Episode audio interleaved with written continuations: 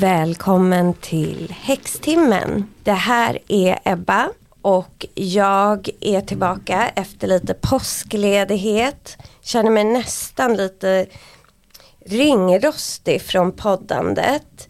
Men jag har med mig gäst idag, Sofia Edgren, vän och massa saker som vi ska presentera.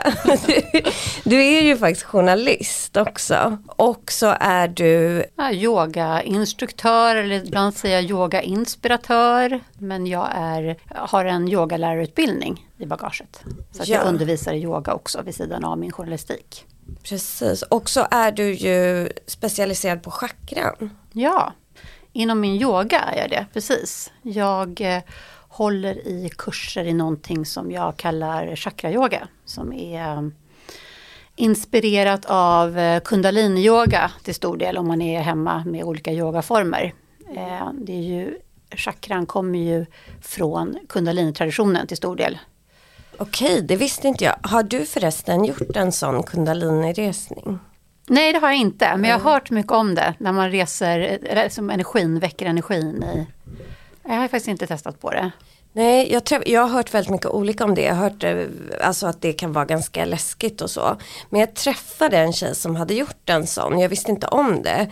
Men, och jag sa till henne, för jag bara, gud vad du har speciella ögon. Alltså det var på ett positivt sätt. Men hon hade så himla intensiva ögon. Mm. Och då sa hon att ja men det är sen jag gjorde den här uh, kundaliniresningen. Ah, Okej. Okay. Ja. ja, det handlar ju om att väcka den här ormen som ligger i rotchakra som man pratar om. Ja. Som ska resa sig och eh, ja, lyfta igenom hela chakrasystemet så att säga. Men vi kan ju mm. komma in på det mer vad ja. chakrarna står för senare. Och så. Ja. Vi ska säga det har varit påsk. Det har varit en jättespeciell astrologi. Det var ju en Neptunus och Jupiter konjunktion i fiskarna. Väldigt så spirituell, härlig energi. Apropå det så har ju jag gjort eh, jag har ju ritat ditt horoskop, för jag har ju börjat rita födelsehoroskop. Jag blev ju så fascinerad av hur liksom, horoskopen ser ut, alltså de här lite så här gammeldagsa horoskopen. Så att jag, det, ditt var ett av de första jag gjorde. Mm. Ja, och du är ju väldigt mycket eld kan vi berätta för lyssnarna. Ja, precis. Du vädur. Mm. Jag är faktiskt så. född 21 mars, så det är första dagen på hela zodiaken och det är första dagen på väduren. Ja, ah, shit, det är första dagen på hela zodiaken. Ja. Det är coolt. Och eh, ja, och du, du väder i sol, du är lejon i eh, måne. Och vad är nu din ascendent? Är det våg? Det är våg faktiskt. Vågen ja. ja. ja.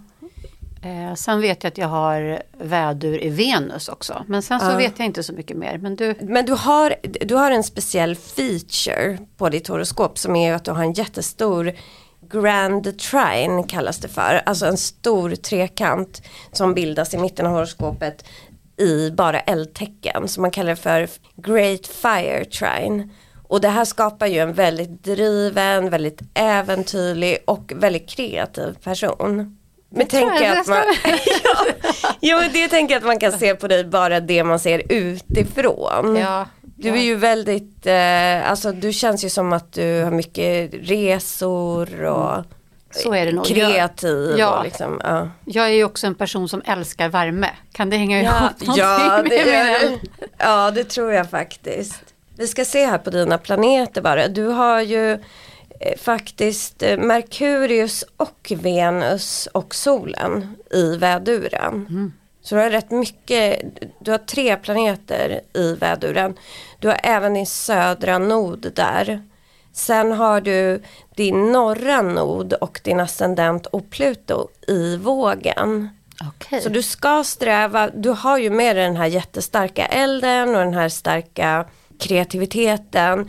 Men du ska mycket i ditt liv sträva lite mer efter så här, balans och harmoni ja. och eh, det som vågen representerar. Ja, intressant. Ja, för det är ju norra och södra noden. Just det. Så du är liksom, för jag tycker södra noden är rätt intressant att se på. Det är ju det man så här, egenskaper man bär med sig som man har varit i många tidigare liv till exempel. Mm. Och där har ju du väduren som du också är i det här livet. Ja. Men det är liksom väldigt djupt rotat i dig, den här elden. Så att eh, för att utvecklas som mest i det här livet så ska du sträva mot luften. Mot luften. Ja, intressant. För jag träffar ju också alltid luftmän. Ja det är intressant. Ja, Ja, det- just det, du är ju lite vattuman-specialist. Vattuman, specialist, eh, har haft någon tvilling, funkar inte så bra och även vågar. Så det är ju bara en intressant att jag liksom dras i någonting med luft. Som, men så är det väl generellt ofta också att eh, eld och eh, lufttecken brukar funka ganska bra. Ja, jag träffar ju mest eldtecken ändå. Det. Men det är lustigt för jag har ju försökt för att jag tittar ju på det man har i sin descendent. Det Okej. är liksom där en punkt på himlen kan man säga där solen går ner. Det är de tecknarna som så här det, det är de tecknarna som är mitt emot ens ascendent, alltså där solen går upp. Och det är då ett tecken som liksom speglar en på något sätt, så man passar väldigt bra med den som partner. Både du och jag har den där vi har vår sol. Okej. Alltså du har den i väduren och jag har den i vattumannen. Ah, ja.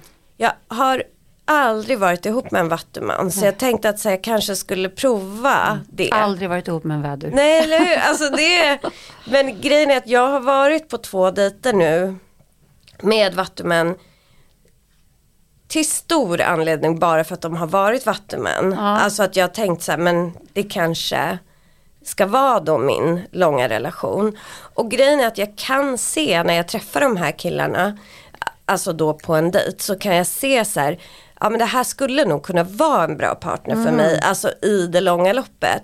Men det finns ingen attraktion. Nej, jag tänkte ju säga det att det blir liksom lite lika, samma, samma. Och det är ju lite hur man tänker så här, är det lika barn leka bäst? Ja. Eller är det opposites attract? Och jag är nog en opposites attract person. Jag går igång på det, det, det jag själv saknar så att säga. Och det gör nog jag också, att jag behöver liksom den här elden eller någonting som så här drar igång det Just hela. det. Det. går liksom inte att man Nej. är samma element. Berätta lite om yoga och hästar. Precis, jag har ju då vid sidan av min journalistik och mitt, mina yogakurser jag håller i då så har jag även ett företag som heter Horse Yoga. Eller Horse Yoga Love heter vi på Instagram för folk som är nyfikna på det här och kan man få massa information där.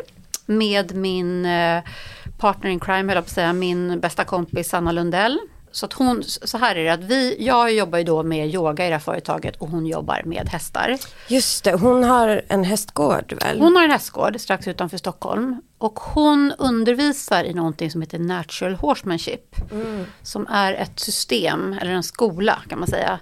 Eh, nu är det hon som står för hästdelen så jag förklarar det här lite i korthet. Men det handlar väldigt mycket om att bemöta hästen på, på sina villkor.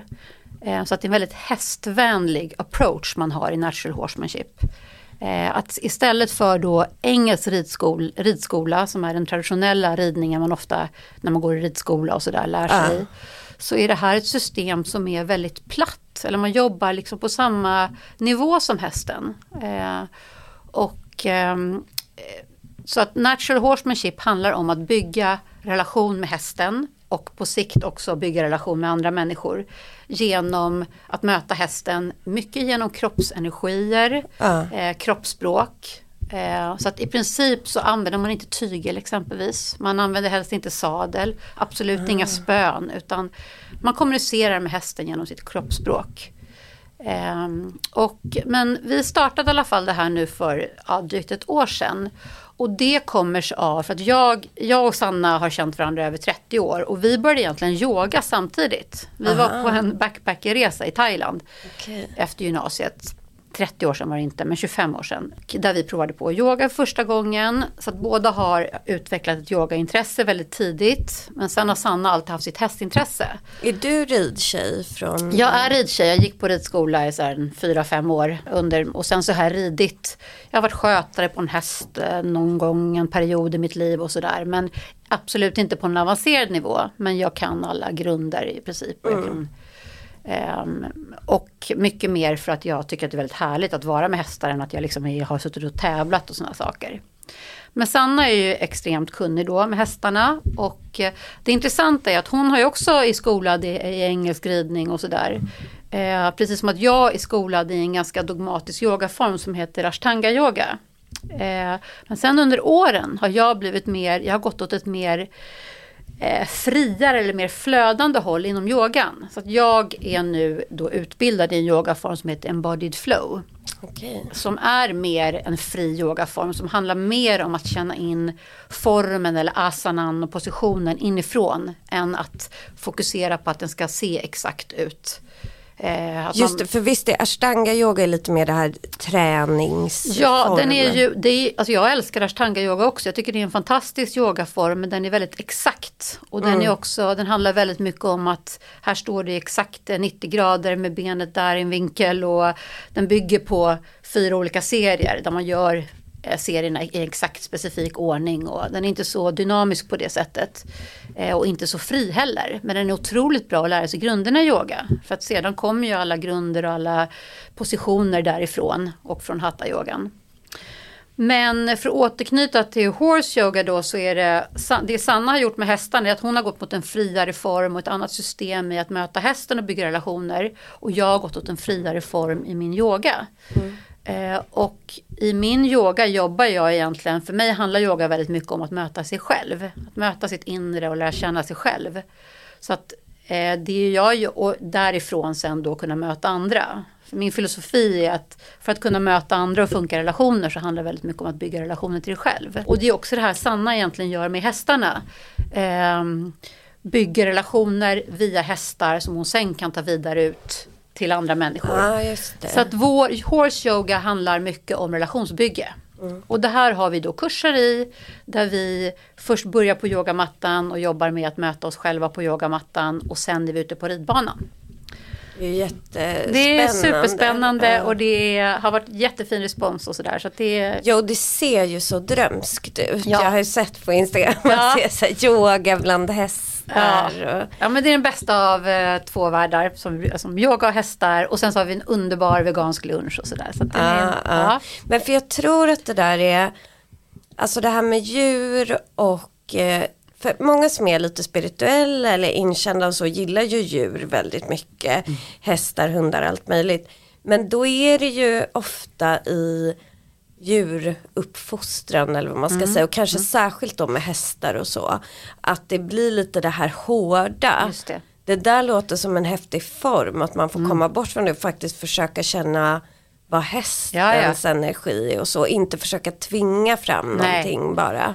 Det är intressant att se för att vissa som då är superduktiga ryttare som kommer dit och är då väldigt skolade i engelsk och traditionell mm. ridning. De kan bli lite frustrerade. Ja. För att det handlar om att lära om på många sätt. Ja, ja. Att eh, inte att man står liksom och håller hårt i tygen eller har eh, piska eller spö eller sporrar utan att det är en helt annan approach. Mm. Och det som är intressant kopplingen yoga också med hästarna det är att hästar föredrar att vara i ett yogiskt tillstånd.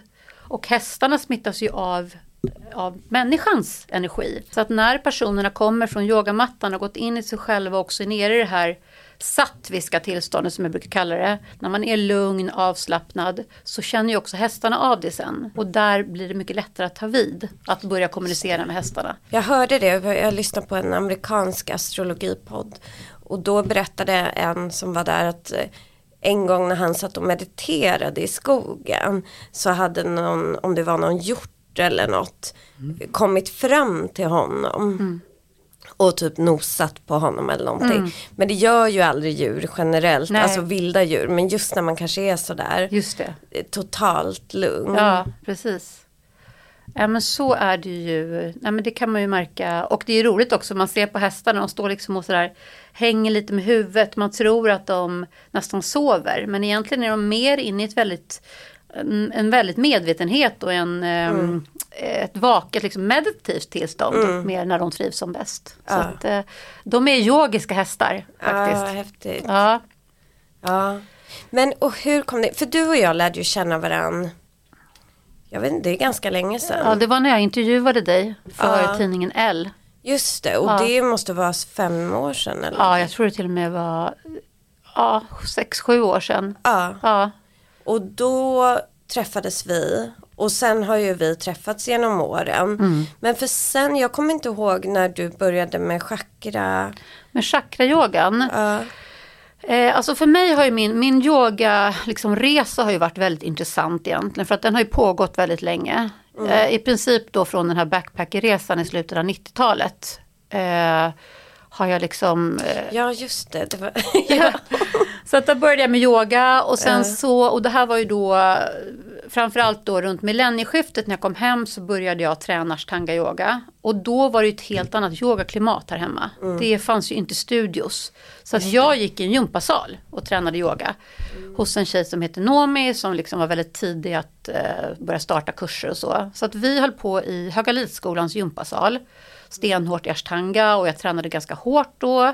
Och kom väldigt liksom in i yogan där. Och då var det nog mer en träningsform för mig än att det var den spirituella. Det är klart att jag kände, i och med att jag kände att jag mådde väldigt bra med den, men jag var inte så inne på meditativa inslag. Jag var mer att det var liksom att jag gick och tränade yoga. Mm.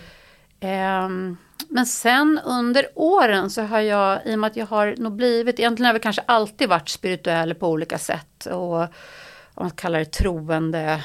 Eh, och, och, så, och vidare, jag vet inte riktigt vad mm. jag tror på, men troende på högre makter och sånt där. Men jag har gått mer och mer eh, åt ett spirituellt håll och där har liksom yogan följt med. Eh, och sen har jag rest ganska mycket i Indien, jag har rest mycket på Sri Lanka och kommit i kontakt med kundalini-yogan. Där man då jobbar mycket med chakrasystemet. Och så att jag vet egentligen inte exakt när det var jag började intressera mig för chakra, men jag gick ju också då min yogalärarutbildning som i Embodied Flow och den är också influerad väldigt mycket av kundalini och tantrisk yoga. Där man pratar mycket om chakran. Mm. Eh, jag vet inte om människor nu liksom riktigt vet om jag ska dra en Nej, vi kan säga, ja precis, du får jättegärna dra det. Vad är chakran? Ja. chakran. Hur uttalar du chakran? Chakran, ja. Mm. Eh, det uttalas säkert på ett annat sätt på sanskrit. men, eh, nej men enligt då både ayurveda eh, så, och vissa yogatraditioner så består människan inte bara av en, en fysisk kropp utan även av en energikropp. Och eh, då pratar man om att den här energikroppen är uppbyggd av energikanaler. Och framförallt så talar man då om sju energicentran mm. i kroppen. Eh, och det är då de här sju chakrarna. Som, och chakra betyder hjul. Så att det är... Ja, det betyder jul. Det betyder jul. Eh, och det här är då hjul eller chakran som snurrar.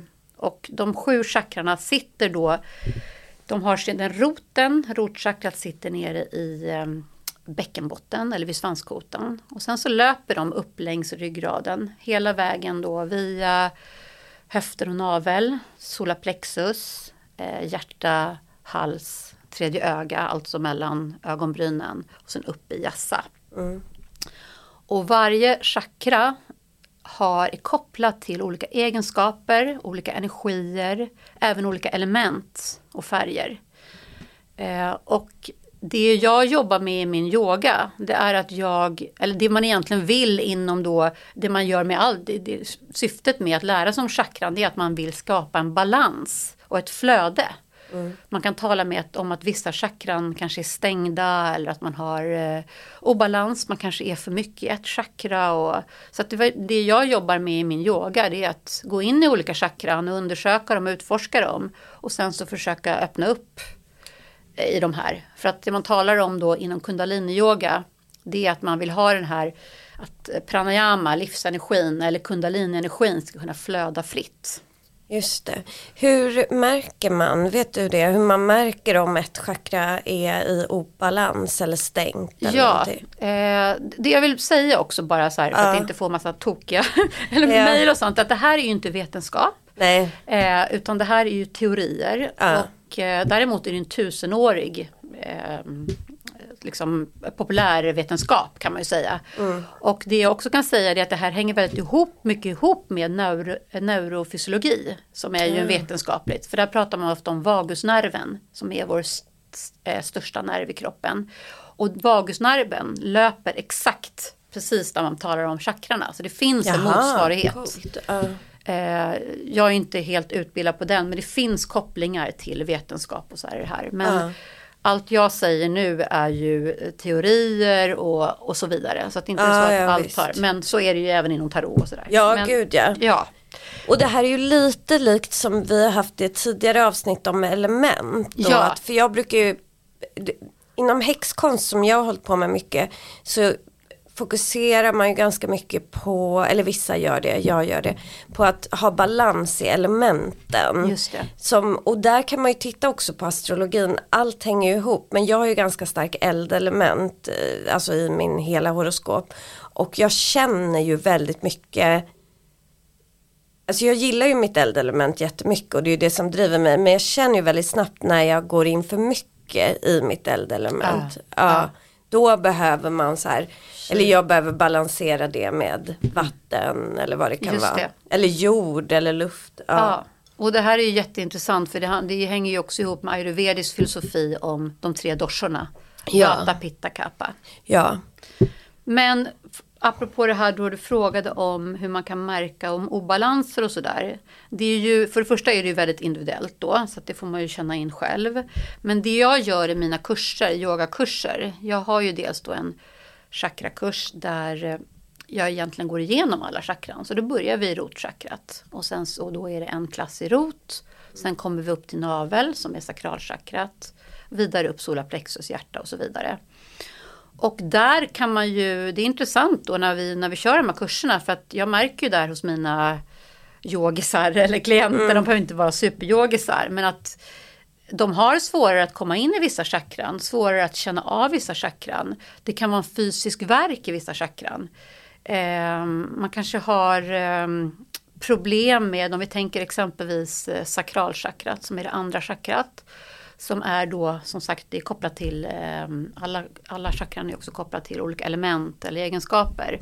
Sakralchakrat är kopplat till vatten och det är också då ett, eh, egenskaper som sexualitet och kreativitet. Har man blockeringar i sin sexualitet, det kan ju vara allt från att man har en inflammation i, liv, i äggstockarna eller någonting sånt. Eller att man kanske känner att man inte har, man kanske har en underaktiv sexlust. Eller, Så att det kan vara allt möjligt som hänger ihop i det där. Eller att man har jätteproblem med de här yogapositionerna. Och, så att vi, jag jobbar jätteindividuellt och det, det kan ta flera gånger innan man liksom upptäcker vad det kan vara. Eller, och eh, sen är det ju också exempelvis om man jobbar då i rotchakrat som är det grundande eller, eller jordelementet då. Det kan ju vara klienter som kommer och har väldigt svårt att jorda sig, att grunda Ja. sig. De är väldigt mycket uppe i det blå och liksom, som man kan vara. Ja, Eh, ja, så kan man ju vara, det kan ju också vara en dagsform. Att man liksom är, nu känner jag mig överallt och ingenstans. Och Ja. Då kan det ju vara att man kanske också behöver komma ner och de yogaklasserna bygger ju också mycket mer grundande med sådana positioner. Och, Ja, alltså, jag tittar faktiskt på mina tarotklienter för att det finns de som vet hur tarotkort ser ut. Så finns det ju vissa tarotkort när personerna på bilderna i de här traditionella motiven har armarna korsade över bröstet det. exempelvis. Sen finns det även bilder när folk har förbundna ögon.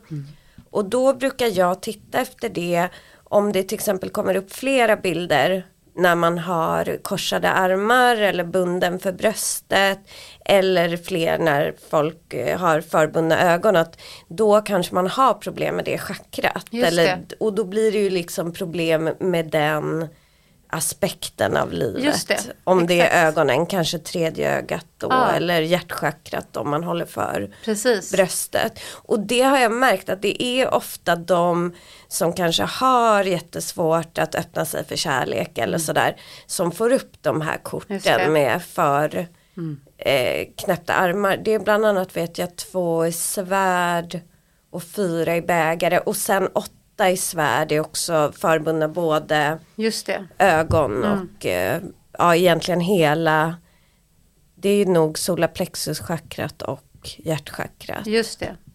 Nej men det, det, det ligger ju verkligen någonting i det där. Att det kan ju vara då det här förbundna ögon och att man har är stängd för sin intuition. För att det är då sjätte chakrat som är det då tredje ögat chakrat. Det handlar ju just om att våga lita på sin intuition och våga kunna känna Ja. in i den. Är den blockerad så är det ju absolut. Och samma med hjärta. Ja.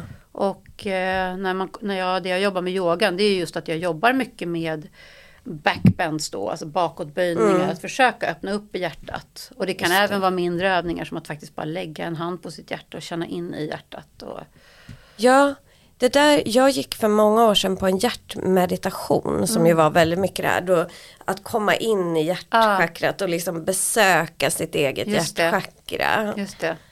Men ska vi, eller ska du gå igenom varje chakra, typ vad det är och vad det är för färg? Absolut. Så Eh, lyssnarna, ja. ja vi började kanske med det. Du började med det nedersta. Ja, bör, nu var jag lite inne på det andra, men om man börjar Ja, ja, då ja. i rotchakrat, Mm. som är ju då det grund, grundläggande chakrat, som sitter nere vid svanskota och bäckenbotten.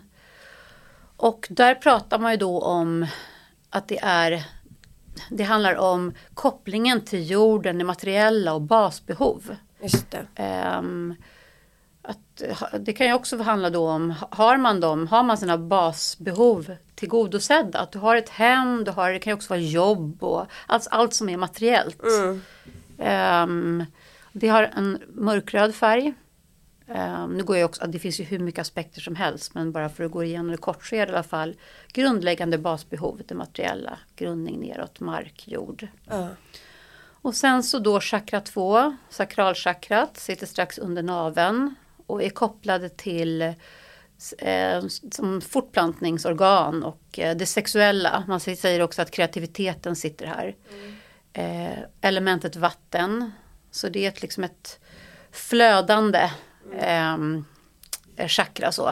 Eh, det har en orange färg. Och där pratar man om, om man tänker att rotchakrat är liksom en, det kollektiva chakrat, för det handlar väldigt mycket om eh, kopplingen till kollektivet. Så handlar sakralchakrat mer om one-to-one relationer, alltså ja. kärleksrelation och sådana saker. Så det är mer eh, du och jag. så. Och sen kommer vi vidare till då solarplexuschakrat som är gult i färgen. Eh, Solarplexuschakrat är ett väldigt fint chakra att komma in i om man kanske känner att man har tappat bort sig själv lite. Liksom, Det är lite egochakra. Ja. Vädurchakra skulle man kunna tala Ja, om. ja gud, Ja. verkligen väder.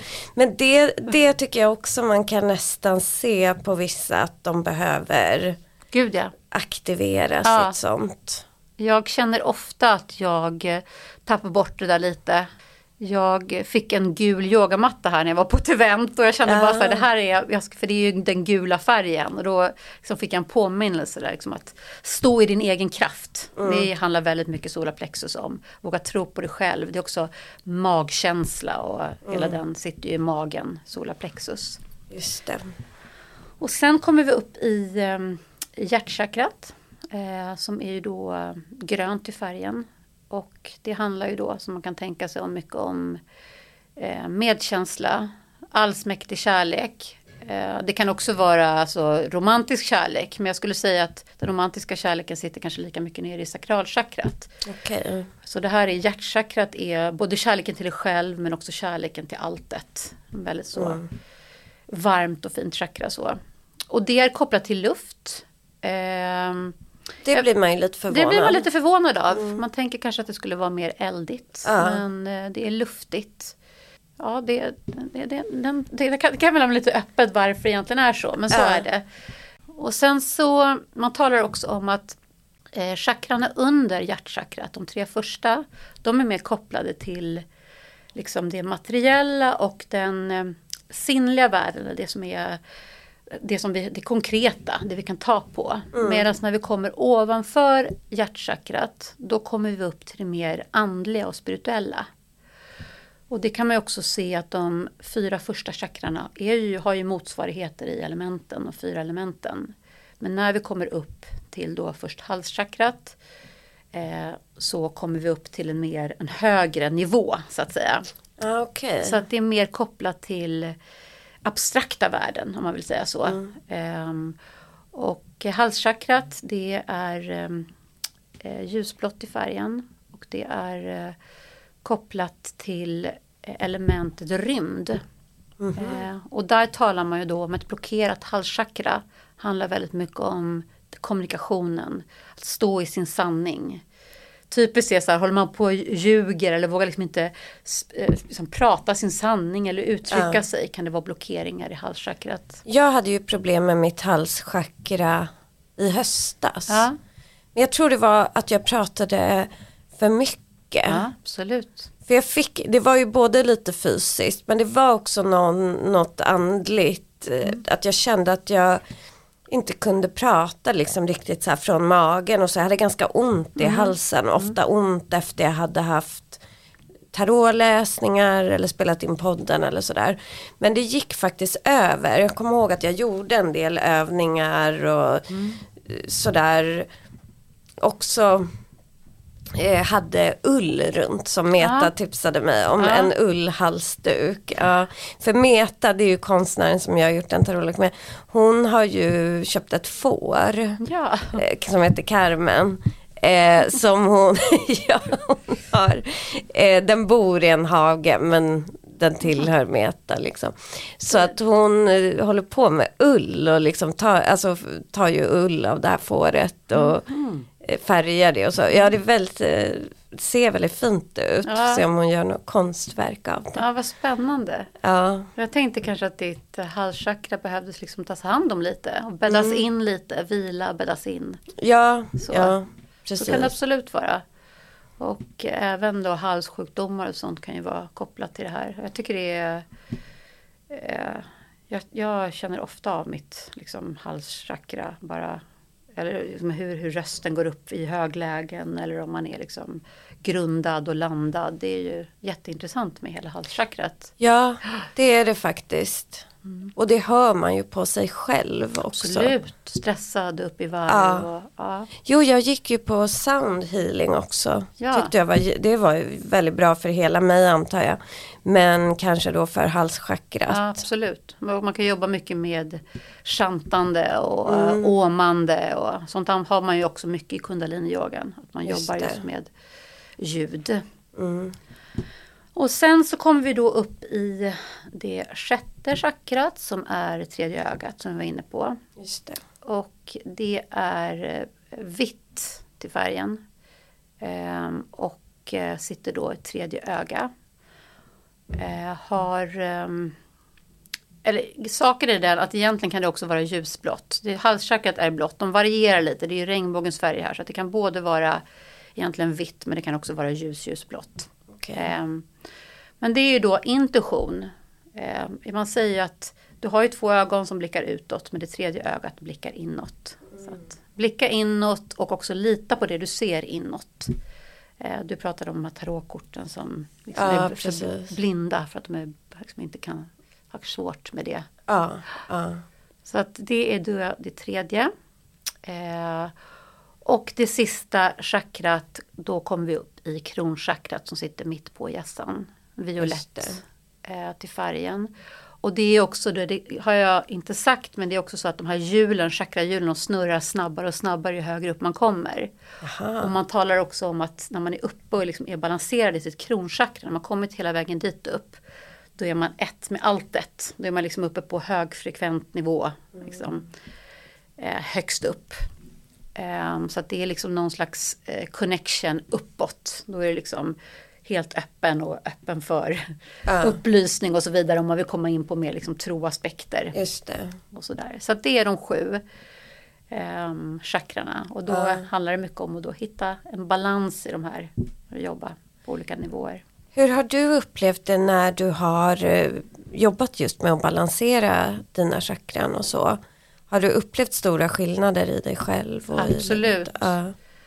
Eh, och eh, just det här med att gå in och rikta uppmärksamheten eh, in till olika delar av kroppen.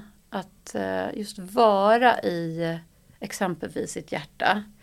Eh, det låter ju väldigt, väldigt abstrakt men att både alltså att känna sitt hjärta inifrån det är svårare än vad man, liksom det är lättare sagt än gjort skulle jag säga. Men att kunna gå in där och liksom vara på insidan av sitt hjärta och också det genom yoga när man jobbar med rörelse.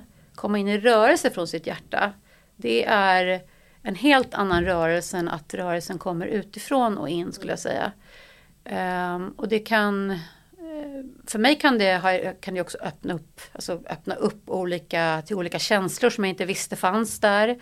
Det kan vara känslor av sorg eller känslor av lättnad och Ehm, och än en gång det här att komma i kontakt med sitt inre.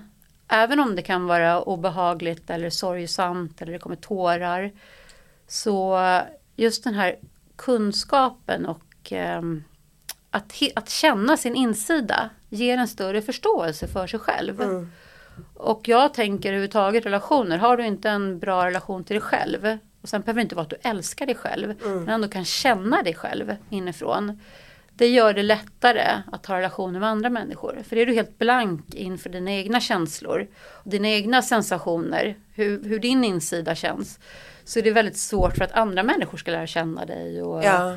och sådär. Så att, ehm, jag tycker inte att det bara handlar om att jag ska sitta, liksom att det är ehm, sitta och blicka inåt. Utan det är faktiskt en social grej också på Mm. längre sikt. För att det handlar om att lära känna sig själv för att kunna öppna upp i andra relationer och kunna känna in till andra. Ja, ja. Och sådär. ja, och det där är ju intressant för det tycker jag man märker att Alltså relation, alla relationer blir ju problematiska Mm. när man har en problematisk inställning till Absolut. sig själv. Ja, absolut. Ofta är det ju har du något problem liksom, i en relation med något specifikt då är det ju ofta speglat i dig själv. Ja. Eller om du stör dig väldigt mycket på någon egenskap hos en person så finns den ju ofta den egenskapen hos dig också. Mm, mm. Och sen bara första steg att bli medveten om den och kanske hitta den var den sitter i kroppen och ehm, börja jobba med den därifrån. Mm. Så att absolut.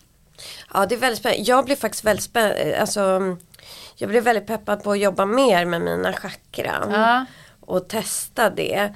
Men har du någon, finns någon övning man kan göra så lite enklare grej om man vill typ känna in något chakra eller någonting? Ja, alltså av mina erfarenheter från kurserna så tycker jag ju kanske att eh, rotchakrat är ju det mest liksom, det, materi- det materiella chakrat också. Eh, det, en obalans där kan ju exempelvis uttryckas i att man blir väldigt giro och eh, fixerad vid prylar och materiella ting. Aha, nej, ja, okej. det är sån här Ja. typisk. Men att det har upplevt många av de som kommer till mig att man kanske lättast att sitta in i sitt rotchakra just för att det är att man andas hela vägen ner till sin svanskota. Det är väldigt sådär Eh, det känns mer materiellt och det är, bara en sån sak kan ju vara att sitta med korslagda ben, man känner att man sitter liksom rak i ryggen, har en kontakt med sin svanskota. Eh, och sen låter andningen komma ner hela vägen ner till eh, svanskota och bäckenbotten. Eh, och, och i den, man kan också räkna andetaget, för det här är en grundning, att försöka liksom känna hur tyngden släpper neråt, att man kommer ner i rot, så att säga. Ehm, den, det är ju en, liksom andningen är ju egentligen alltid så första steget till att komma ner i och att andas in i sina chakran. Ja, Och det blir ju en ganska lång andning hela vägen ner till rot. Och eh, meditationsknep, vissa är ju svårt att liksom hitta fokus och sånt. Då kan man ju också visualisera färgen av sitt rotchakra som är då mörk, mörkt röd, jordfärg Ja, så att säga. Ehm, sen är ju också, alltså hjärtat, det behöver inte vara så mycket mer än att man lägger en hand på sitt hjärta och verkligen andas in i sitt hjärtchakra. mm. Ehm, och ställer sig frågan, vad, vad, vad känner jag här inne? Hur känns det här inne i kroppen? Sen jobbar jag mycket med i yogan att jag ser ju hjärtchakrat är egentligen inte bara i hjärtat utan det hänger ihop med hela dina armar och händer. Man brukar mm. prata om att eh, eh, händerna är förlängningar av hjärtat. Så att alla rörelser du egentligen gör med armar, axlar och händer det är en förlängning av ditt hjärtchakra. Så mycket Jaha. cirklar, ja. Så, så jobbar jag jättemycket i yogan. Så cirklar med armar och, och vissa då positioner i eh, yogan också. De är väldigt kopplade till hjärtchakrat. Intressant. Ja. Så om man viftar mycket med armarna. Ja, då är man lite uppstressad. Nej, men man kan ju också synkronisera en rörelse med sitt hjärtslag. Ah, eh, ja. kan man ju också göra. Liksom. Men överhuvudtaget att eh, när man gör, är i asanas, att det inte bara liksom att du gör, eh, snurrar med armarna utan det är en rörelse som initieras från ditt hjärta. Hela vägen ut i arm och hand och fingrar. Okay. Allt hänger ihop någonstans. Precis som att rotchakrat hänger ihop med dina ben och fötter. Och föt, från fötterna, om man vill grundas ännu mer kan man också visualisera att det växer rötter ut från fötterna mm. ner du är liksom grundad neråt. Och sådär. Så det finns, eh, det är precis allt sånt här jag håller på med då i... Ja, mm. ja vad häftigt. Ja, jättespännande är det. Men du, jag måste fråga om väduren. Ja. Känner du mycket vädur? Vi pratade ju lite om det innan. Ja, att, jo men det gör jag väldigt mycket. Ja. Uh, jag är ju väldigt mycket eld skulle jag säga. Inte bara då att jag älskar att vara i varma klimat, vilket jag är stora delar av året. Mm. och jag tycker om värme i alla dess former. Eh, så är jag nog en ganska otålig, lite för ivrig, lite envis. Eh, det kanske låter så här förmätet att säga att jag går i bräschen men jag är nog väldigt liksom, taggad på nya grejer mm. och där otåligheten också kommer in. Liksom. Men jag är nog Eh, väldigt mycket vädur. Ja. Jag är liksom, kanske har lite för bråttom. Jag kan ofta liksom känna att människor, eller inte ofta, men jag har hört det genom mitt liv att liksom folk hänger liksom inte riktigt med för att jag är lite steget före och sådär. Så att det, jag behöver nog jobba mycket med att liksom balansera som du sa i luft och också jord egentligen. Det Just det, ja. Mycket eldig och det var intressant som du sa att jag hade så otroligt mycket eld i Ja, precis. Du har verkligen det. Ja. Ska se om du har någon jord. För det är ju ofta, tycker jag, jord känns ju det som man ibland kan verkligen behöva. Just det.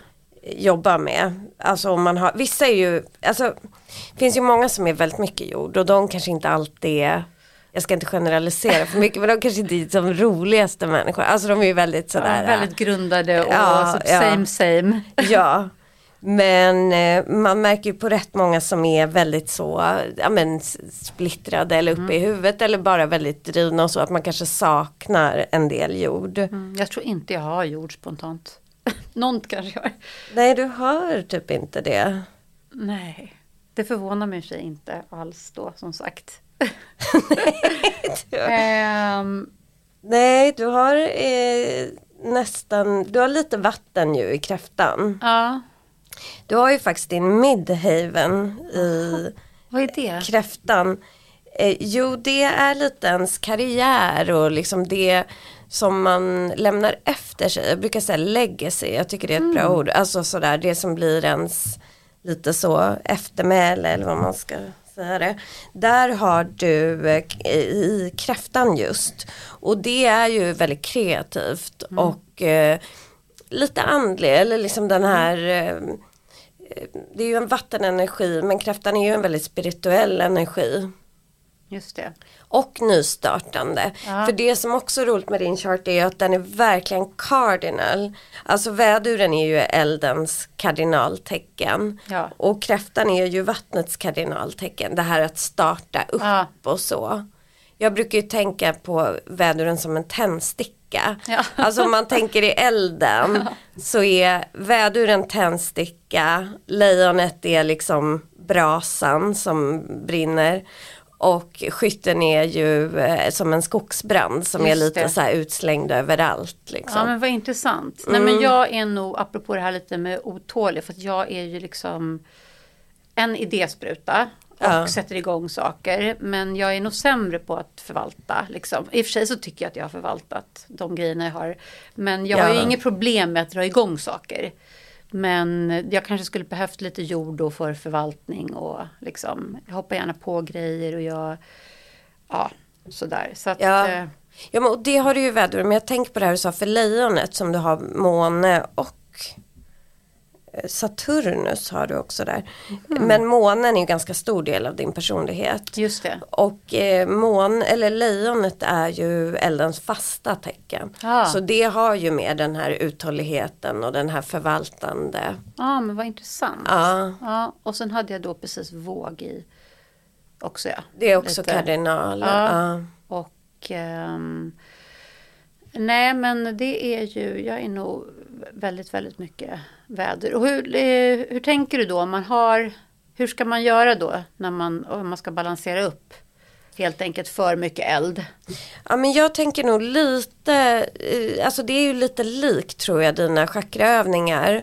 Men att jag brukar göra, jag, när jag ger tips sådär till, eh, om det är någon som är väldigt mycket eld eller så. Då handlar det ju lite om bara hur man lever. Som jag märker själv när jag är för mycket i min eld. Det är mycket när jag är så här kanske mycket social eller jobbar väldigt mycket eller sådär så är jag väldigt mycket i det där. Då behöver jag kanske balansera upp jord just och då gör jag lite sådana övningar. Jag jordar mig, kanske är i skogen, går i naturen, är med elfin, alltså med djur och sådär. Kanske äta, alltså man kan göra allt eh, äta alltså eh, mm, potatis, alltså sån mat Just som det, kommer jordad. från jorden. Liksom. Ja. Eh, om man vill balansera upp vatten då kan det vara att man allt ifrån att man badar eller liksom är i vattenelementet till att man skriver ner sina känslor eller tyder sina drömmar. Alltså bara se till att vara lite i så här. Jag har en känslomeditation som jag brukar göra när jag känner att jag behöver liksom känna in mig själv som är lite så här det är att man går in, man lokaliserar känslan i kroppen och liksom försöker så känna hur känns den rent fysiskt och var sitter den och Mm. Just lite det. sådär. Det är jätteintressant för det där är också någonting jag brukar ta upp i min yoga. Att vi har väldigt lätt att sätta ord på våra känslor genom att ah, jag känner mig deppig eller jag Ja. känner mig... Men att istället gå in i sensationen. Vad är deppig? Ja, det kanske är grått.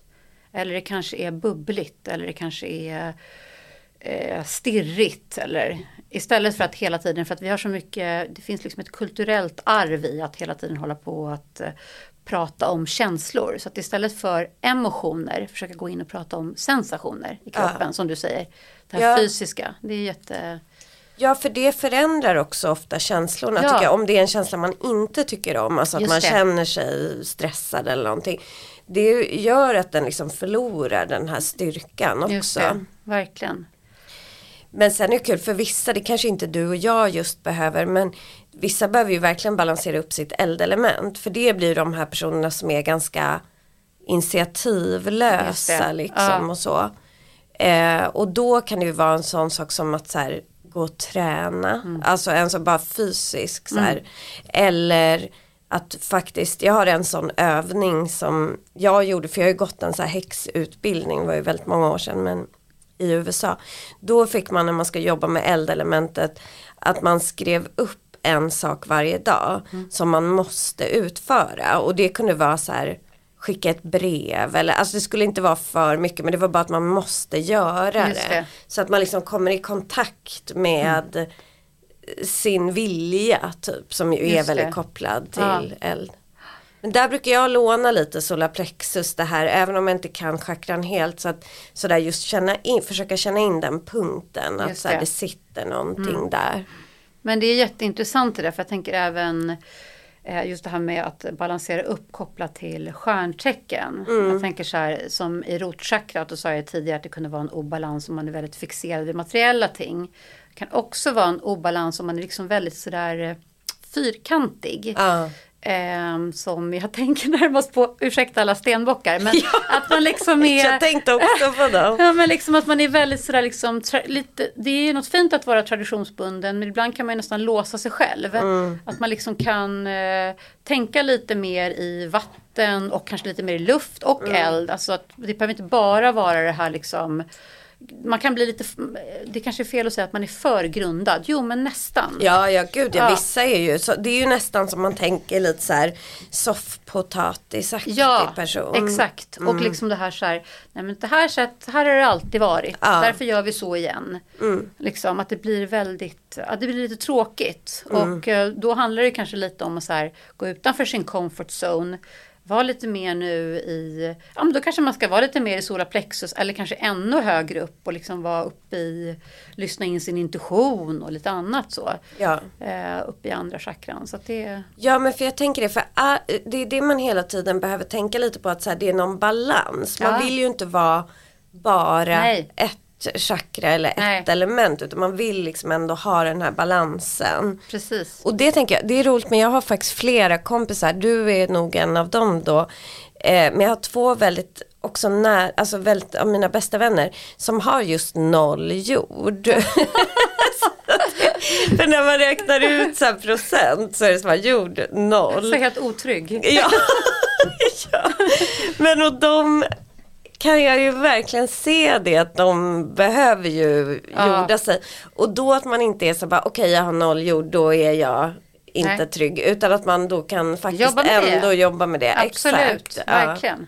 Ja, det var jätteintressant och det är nog jag har ju nu, jag har en stor liksom, balkong, nästan en terrass. Jag har ju flera år försökt liksom, att jag ska odla där. Och Mm. Jag är inte så bra på det. Men jag tänker att jag ska försöka odla mitt odlingsintresse Ja. mer. Och, liksom, eh, för jag känner ofta, apropå det här med väder och eld, att jag har ju mycket närmare till hands att liksom sätta igång med mer sån här, alltså jag, liksom mer aktiva aktiviteter, liksom flödande yoga, jag håller på med surfing. Men just det här Mm. lite så här mer tålamodskrävande, man ska vänta på ett frö som liksom. Ja, ja. Det, det är en utmaning för mig men jag tänker att det är precis sådana saker då man kan jobba med. Precis, Ja. precis. Och det har faktiskt en av de vännerna som har nolljord.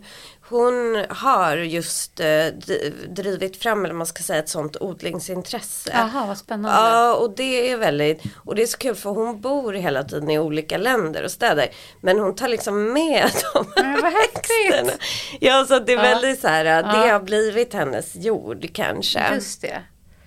Men du, kände du av den här, vi hade ju en väldigt speciell vecka förra veckan. Mm. Det var ju både fullmåne i lördags, sista fullmånen innan, nu kommer ju tyvärr eklipssäsongen. Oj nej. Ja, det blir en lite stökig tid nu för vi har ju haft en väldigt så här ganska bra astrologi eh, trots krig och allting. Men det har ändå varit rätt så här smooth nu sen februari typ. Mm. Men nu kommer ju vid nästa nymåne om typ en och en halv vecka så kommer solförmörkelse och så blir det en sån eklipssäsong.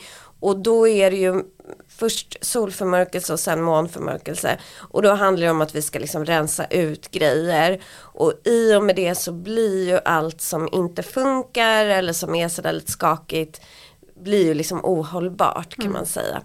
Men förra veckan hade vi ju den här jättehärliga konjunktionen mellan Jupiter och Neptunus.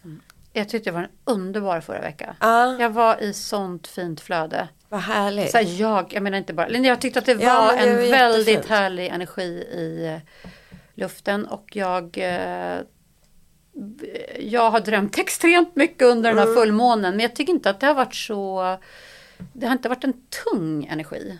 Eh, Det har varit mycket energi men det har varit en lätt energi tycker jag. Ja, det var ju faktiskt fullmåne i vågen. Och de tycker jag kan vara lite lätt. Det är ju ändå ett lufttecken. Just det, ja vad intressant. Ja, Ja. Mm. ja. Men hur ska man förhålla sig till den här eklipsen nu då? Men tänker att man ska ta det ganska lugnt. Men det man inte ska göra som folk alltid på Instagram och så blir väldigt upprörda över. Det är att man ska ju inte göra liksom eh, sätta intentioner Okej. eller göra ritualer eller göra månvatten eller sådär. Så att vid nymånen då när folk kanske brukar sätta sina intentioner eller göra en nymåneritual så ska man faktiskt helst inte göra någonting eller bara meditera eller sådär. För att man brukar säga att alltså både är det lite för att det man tror att man vill då kan verkligen ändras för eklipsen liksom gör saker tydliga för oss. Så jag tycker mer att man kanske ska känna in så här vad får jag för uppenbarelser under den här tiden. Är det någon ja men det kan vara en vänskapsrelation eller en arbetssituation eller vad som helst som blir tydligt att så här, det här funkar inte längre. För då kommer det bli extremt tydligt under den här tiden. Okej. Och eh, så att det ska man göra men annars bara försöka ta det liksom lite lugnt generellt och inte som sagt göra ritualer. Inte agera på. Nej men för både för att det förändras men också för att eklipser sägs ha ganska så här våldsam energi. Mm. Alltså det är en väldigt så stark energi men den går liksom inte att manifestera saker i riktigt. Okej. Så man får försöka bara segla sig igenom det eller få massa uppenbarelser som blir viktiga. Sist, senaste eklipsperioden var ju typ innan jul där i november. Den kändes Ja, ju. den kommer jag ihåg. Ja, jag också mycket fick mycket och då blev det just för mig vissa sådär arbetsrelationer och så som jag hade liksom när man kan hålla dem över vattenytan Mm. men då blev det så här det går inte Nej. sådär. Och Men- sen la ju elen av i Stockholm också. Ja, just det. Det var då jag. Ja. Ja, precis. Och jag minns det där att det var mycket knas. Mm. Men jag tänkte på det där för att du har ju dragit mina årskort. Ja, ja Eh, Var, varje år sedan vi i princip sågs första gången Ja. nästan. första var eremiten. Ja, jag och nu är jag inne på den hängde. Ja, ja, ja. Och jag tycker det li- har tyckt att det var lite tråkigt. Men nu, det blir liksom som jag har tidigare år så har jag mer och mer så här längs årets gång har jag mer och mer börjat bekanta mig Mm. med årskortet och börjat tycka om det. Ja, Och då tänkte jag lite så här, nu du säger då i klipsen, att ska man vara lite som den hängde då under den här, att man liksom bara ska låta saker vara och bara liksom betrakta från håll då, eller hur? ja, det tycker jag låter smart. Ja. Inte kasta sig in i drama. Plus att det finns andra aspekter av den hängde också. Att, eh, alltså, den hängde, hänger upp och ner och ser saker från ett helt annat perspektiv. Just det. Så man kan få väldigt nya perspektiv också. Mm. Och se saker som kanske så här, man inte trodde Nej. fanns där. Spännande ändå. Ja, ja det är kul. Eh, jag är själv på mitt Justice-år. Ah, Hade lyckans jul förra året. Ja, det är ju spännande. Men det är så kul att du inte gillar de där eremit. Nej men eremit, precis. Jag skrev hängde- till och med en krönika om det. Men jag Ja. är så tacksam över mitt eremitår. Eller hur? Ja, i backspegeln så var jag ju... Det var, det var revolutionerande för mig att ha ett eremitår. Mm. Jo, det, eremiten är ju det. För, för det är ju den första blicken. Det är ju även när jag lägger kort och någon drar eremiten. Det är ju ingen som blir glad över det. Nej, typ. Alltså nej. alla blir lite så här, "Ha, tråkigt. Ja. Men grejen är, det är ju verkligen att hitta sig Ja, ja, själv verkligen. och att gå in i sig själv och sådär. Ja, Ja, vi ska börja wrap up. Men vad mysigt att ha dig här i podden. Det har jag ju tänkt sen jag startade podden typ. Ja, vi men vi har, ja, vi har pratat om det men nu äntligen blev det av. ja, så härligt. Det känns som vi hade... Vi har ju alltid hur mycket som helst att snacka Ja, om. gud ja. Ja, ja du får att, eh, komma tillbaka. Ja, Men, och så får man kolla in dig på Instagram. Absolut. Och på, man kan både, om man är sugen på yogan så kan man kolla in mitt eh, Sofia Lilly Edgren-konto. Eh, eller ansöka om att hänga på och följa med där. Eller så är det ju Horse Yoga Love om man är intresserad av Ja. hästyogan. och det tycker jag man ska följa eh, oavsett om man ska vara med eller inte. För det är Verkligen. väldigt kul att Jättekul. se ja, fina bilder. Mm.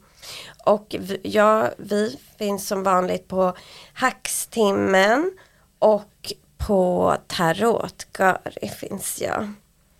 Ja, nu ska vi gå hem.